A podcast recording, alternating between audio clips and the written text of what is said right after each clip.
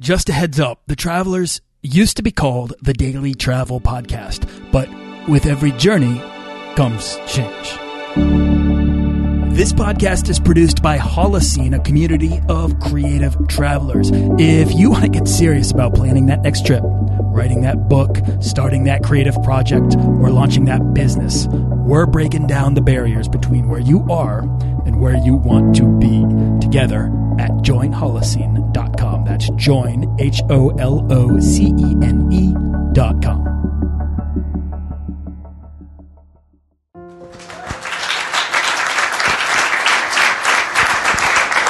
Hi, my name is Don Wildman. I work for Travel Channel. I'm going to speak for three minutes and 37 seconds.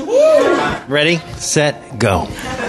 So when we do TV, uh, we tell stories, and each story needs a protagonist.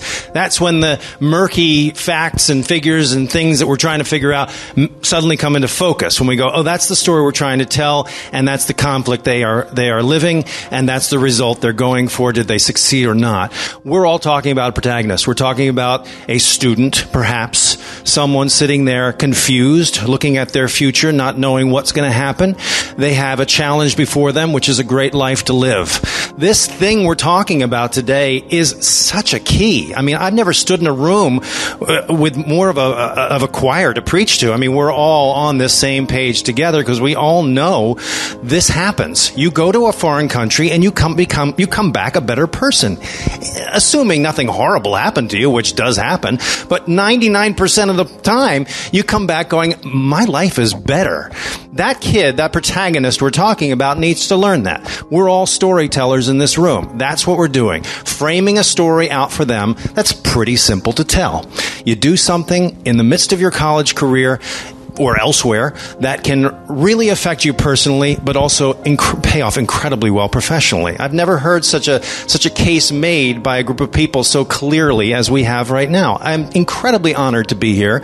I think everyone, if, if I may speak for all of us here, came from disparate places and, and distant places, and, and and here we are being asked to serve our country in a way, corny as that may be to some of us. I personally find that an incredibly high calling. So thank you for bringing me here and, and inviting me to tell this story. We can do it through television in a very broad way.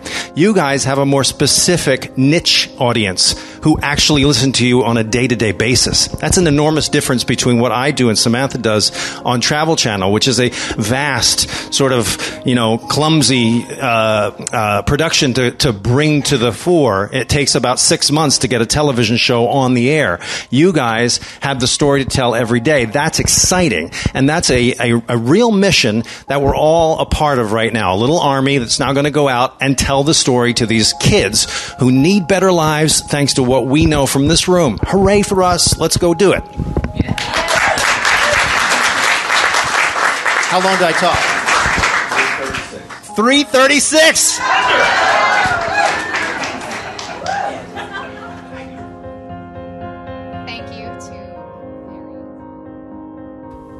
This is part one of a five part podcast miniseries from the Daily Travel Podcast on the White House Travel Blogger Summit on Study Abroad and Global Citizenship. And in case you were keeping track, that was only two minutes and 36 seconds, but Don was almost exactly one minute off, so I'm kind of thinking he misspoke and actually nailed his timing.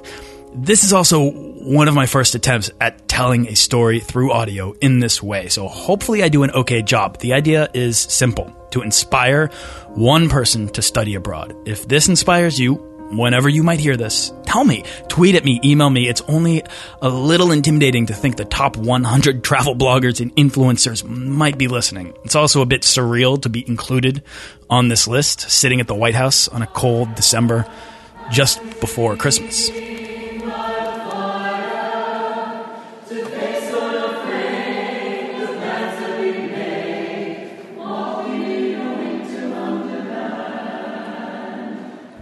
That's the sound of carolers that were singing just down the hall from the press room. They sound pretty good, right?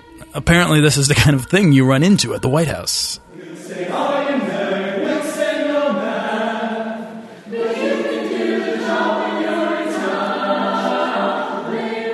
After spending an hour outside in the cold, waiting to get inside the White House with nobody complaining at all, it felt a little like a winter wonderland, just one without any snow.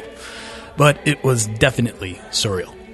So, First, a little backstory of how we all found ourselves sitting in the Eisenhower Executive Building having a conversation with White House senior administration officials.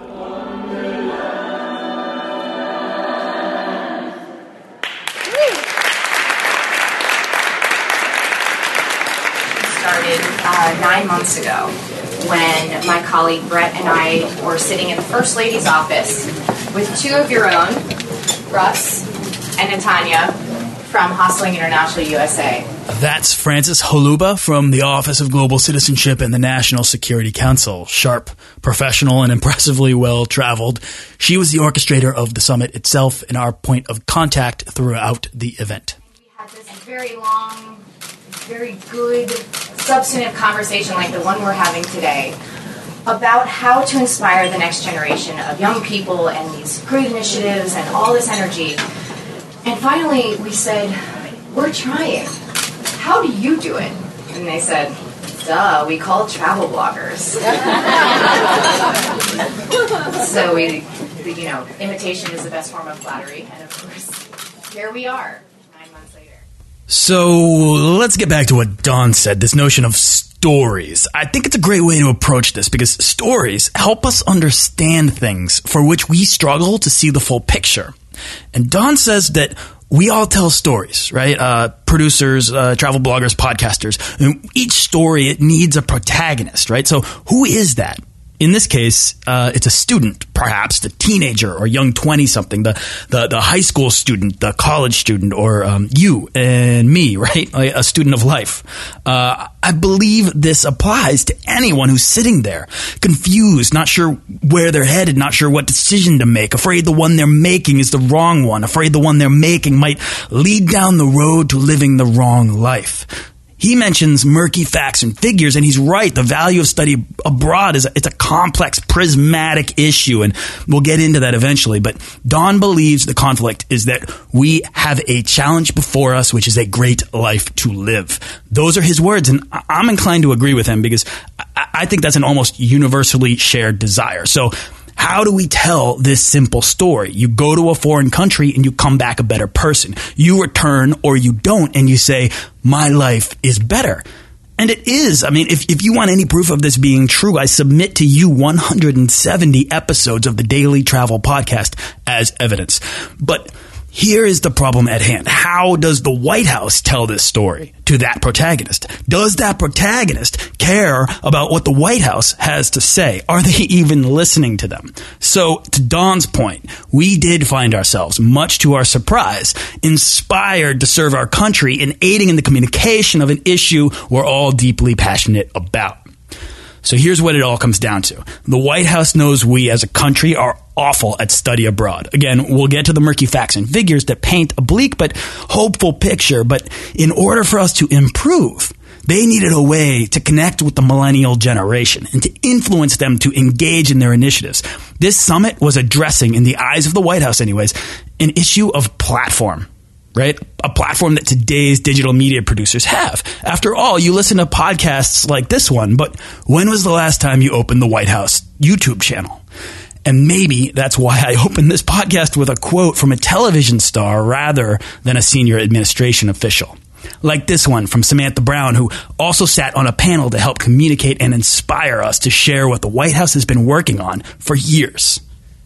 Samantha, travel is your business. Travel is what you do. We do have this unfortunate disparity with very few U.S. students studying overseas. And many U.S. students, when they enter college, I think we're at about half of U.S. students when they enter college, intend to study abroad, but then during their academic career, only 10% actually do. Do you have a sense from your work on how we can better message and communicate to this population and encourage them to look at this as an option? Yeah, I mean, personally, I think um, with the shows that we do on the Travel Channel, especially with mine, we focus a lot less on the do's and don'ts of travel and just how it makes you feel. What is the emotional value of travel? And that means looking at experiences more than uh, creating a to do list that we check things off.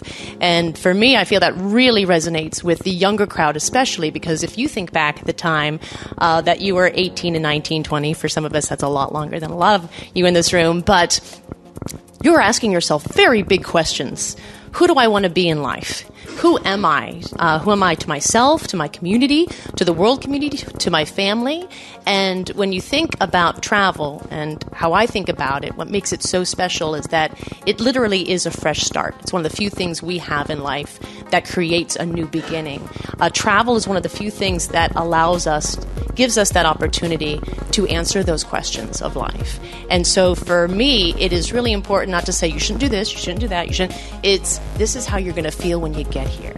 And when people tap into, I want to feel that way, that's where they're going to try to find those scholarships. They're going to look, they're going to Google, they're going to look out, you know, for the State Department, you know, go onto the Commerce, uh, the new U.S. Uh, Study Abroad program and find out how do I do this because I want to do that.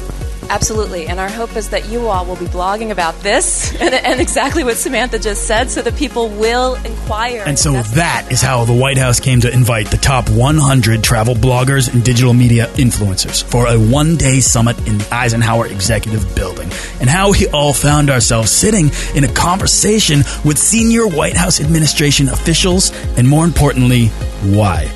So let's tell the simple story of why. What I've put together is a perpetuation of the ideas, efforts, and initiatives put forth by the White House and highlights from the summit itself into a five part podcast miniseries designed to bring you with me to this unique and monumental event, explore the value of studying abroad and, and travel in general, how we as a country can do better and all of my thoughts on the topic at hand to help the next generation or anyone meet the challenge before us, which is a great life to live.